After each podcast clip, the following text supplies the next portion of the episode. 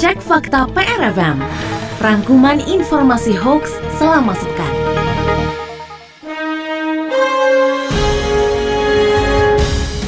Cek fakta pertama, beredar sebuah unggahan foto di media sosial Facebook dengan narasi yang mengklaim BBM jenis Pertalite yang dijual Pertamina berkadar RON 86 bukan 90 sehingga lebih mudah menguap dan boros.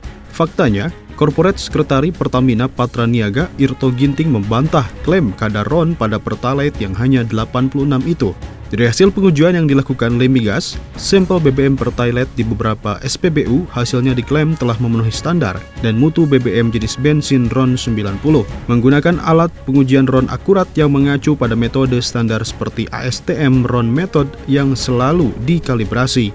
Informasi ini masuk dalam kategori misleading content. Cek fakta kedua, sebuah pesan berantai yang menyebar di media sosial menyebut tragedi Kanjuruhan disebabkan oleh komunis yang menguji coba gas beracun untuk membunuh rakyat Indonesia melalui medan lapangan.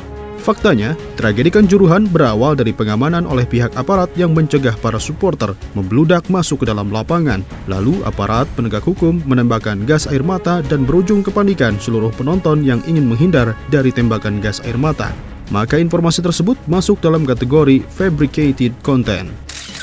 Cek fakta ketiga, sebuah akun Twitter mengunggah video dengan durasi 13 detik dengan narasi seorang pria bersembunyi di dalam kulkas untuk menghindari perintah mobilisasi militer yang dikeluarkan oleh Presiden Rusia Vladimir Putin.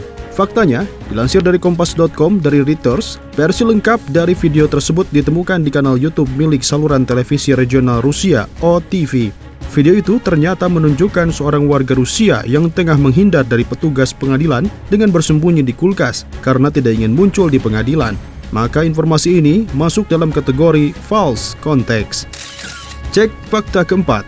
Sebuah akun Facebook mengunggah potongan video pernyataan dari Direktur Jenderal WHO, Tedros Adhanom Ghebreyesus dalam bahasa Inggris dengan caption yang menyebut bahwa WHO telah menyatakan akhir dari pandemi COVID-19 sejak 14 September 2022. Faktanya, jika diterjemahkan dalam video tersebut, Direktur Jenderal WHO mengatakan bahwa akhir pandemi sudah di depan mata, namun pandemi COVID-19 belum berakhir. Informasi tersebut pun masuk dalam kategori false context.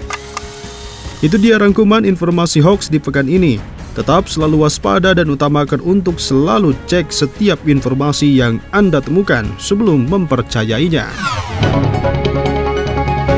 Anda baru saja menyimak Cek Fakta PRFM, rangkuman informasi hoax selama sepekan.